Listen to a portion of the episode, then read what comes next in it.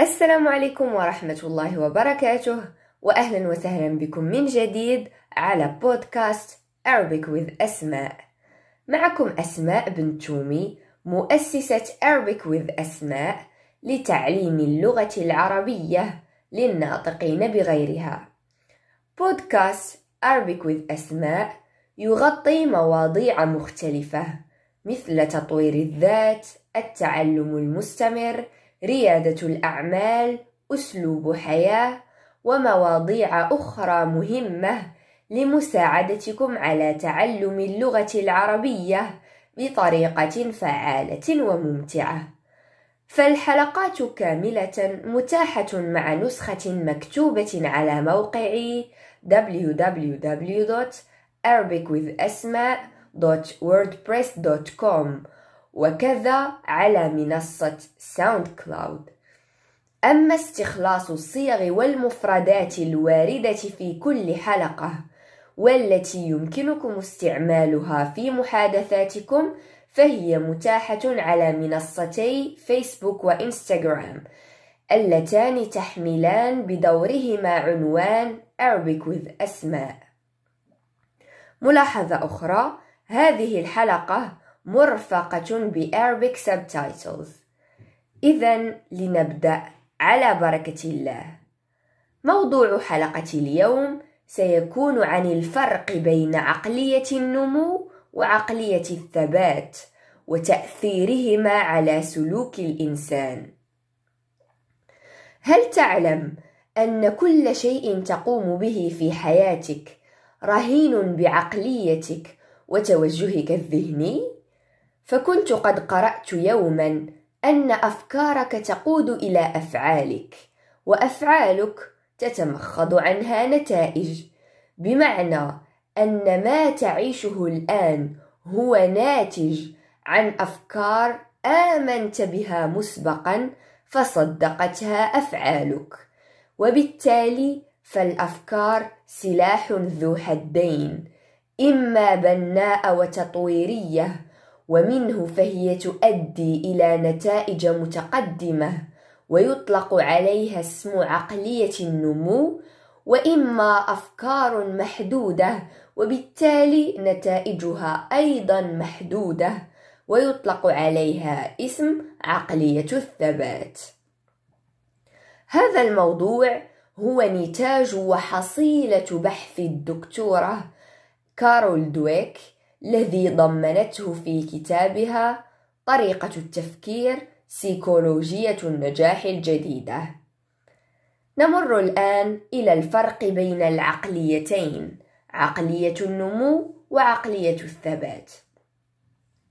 أولاً، صاحب عقلية النمو يؤمن بالعمل الجاد وأهمية الممارسة، وأن لا شيء يتغير إذا لم يتغير هو وأنه يستطيع تعلم أي شيء كما يؤمن بأن كل المهارات قابلة للاكتساب والتعلم وأن الناس مميزون واستطاعوا إثبات ذواتهم في مجال ما لأنهم بذلوا جهدهم وأخذوا بالأسباب وليس لأنهم ولدوا كذلك. ثانيا صاحب عقلية الثبات يؤمن بالموهبة فقط وأن الإنسان لا يمكن لمهاراته وقدراته أن تتطور فإما أن يولد موهوبا وذكيا بالفطرة وإما غير ذلك. وبالتالي سيبقى على حاله هذا إلى الأبد ويستحيل أن يتقدم أو يبدع.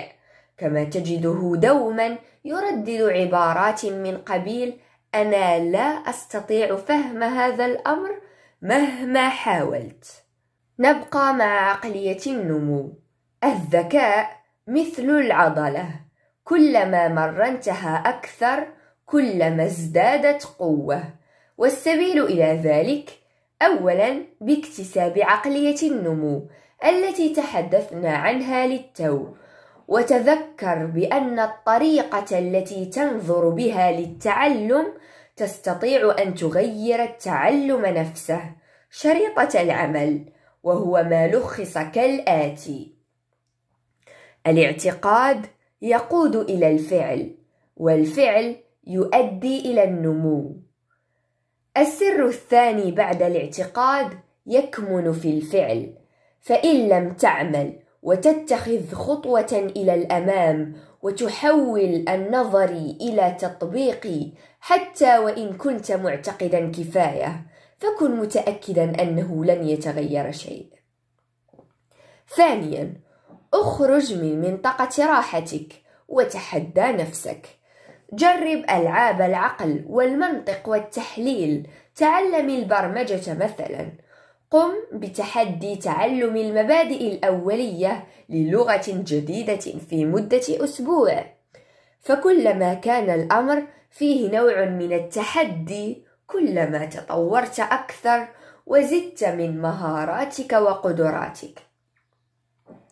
ثالثا التحسن باستمرار باعتماد مبدأ الكايزن وهو عبارة عن فلسفة يابانية تحث على القيام بخطوات بسيطة لكن باستمرار فتراكم هذه الخطوات سيؤدي في نهاية المطاف إلى نتائج عظيمة. رابعا لا ضير من ارتكاب الأخطاء فأنت تنمو وتتعلم وتتطور عندما تخطئ. ونختم إن شاء الله بمقولة لسلمان خان صاحب الموقع التعليمي الشهير خان أكاديمي حيث يقول: لقد قررت أن أثني على ابني ليس عندما ينجح في الأمور التي كان جيدا بها بالفعل، ولكن عندما يثابر على الأشياء التي وجدها صعبة. يعني أن المجهود هو الورقة الرابحة لأنه حتما سيوصل إلى النتائج المرجوة بإذن الله. إلى هنا نصل إلى نهاية البودكاست. شكرا على حسن الاستماع أرجو أن يكون قد أفادكم وألهمكم كما أخبرتكم المفردات المستخلصة من هذه الحلقة والتي يمكنكم استعمالها في محادثاتكم متاحة على مواقع التواصل الاجتماعي فلا تنسوا متابعتي عليها والاشتراك بالقناة. أما مناقشة هذا الموضوع فستتم بإذن الله على مجموعتنا على الفيسبوك. تجدون كل الروابط في صندوق الوصف. أرجو لكم رحلة تعلم ممتعة وألقاكم إن شاء الله عما قريب في حلقة جديدة. في أمان الله.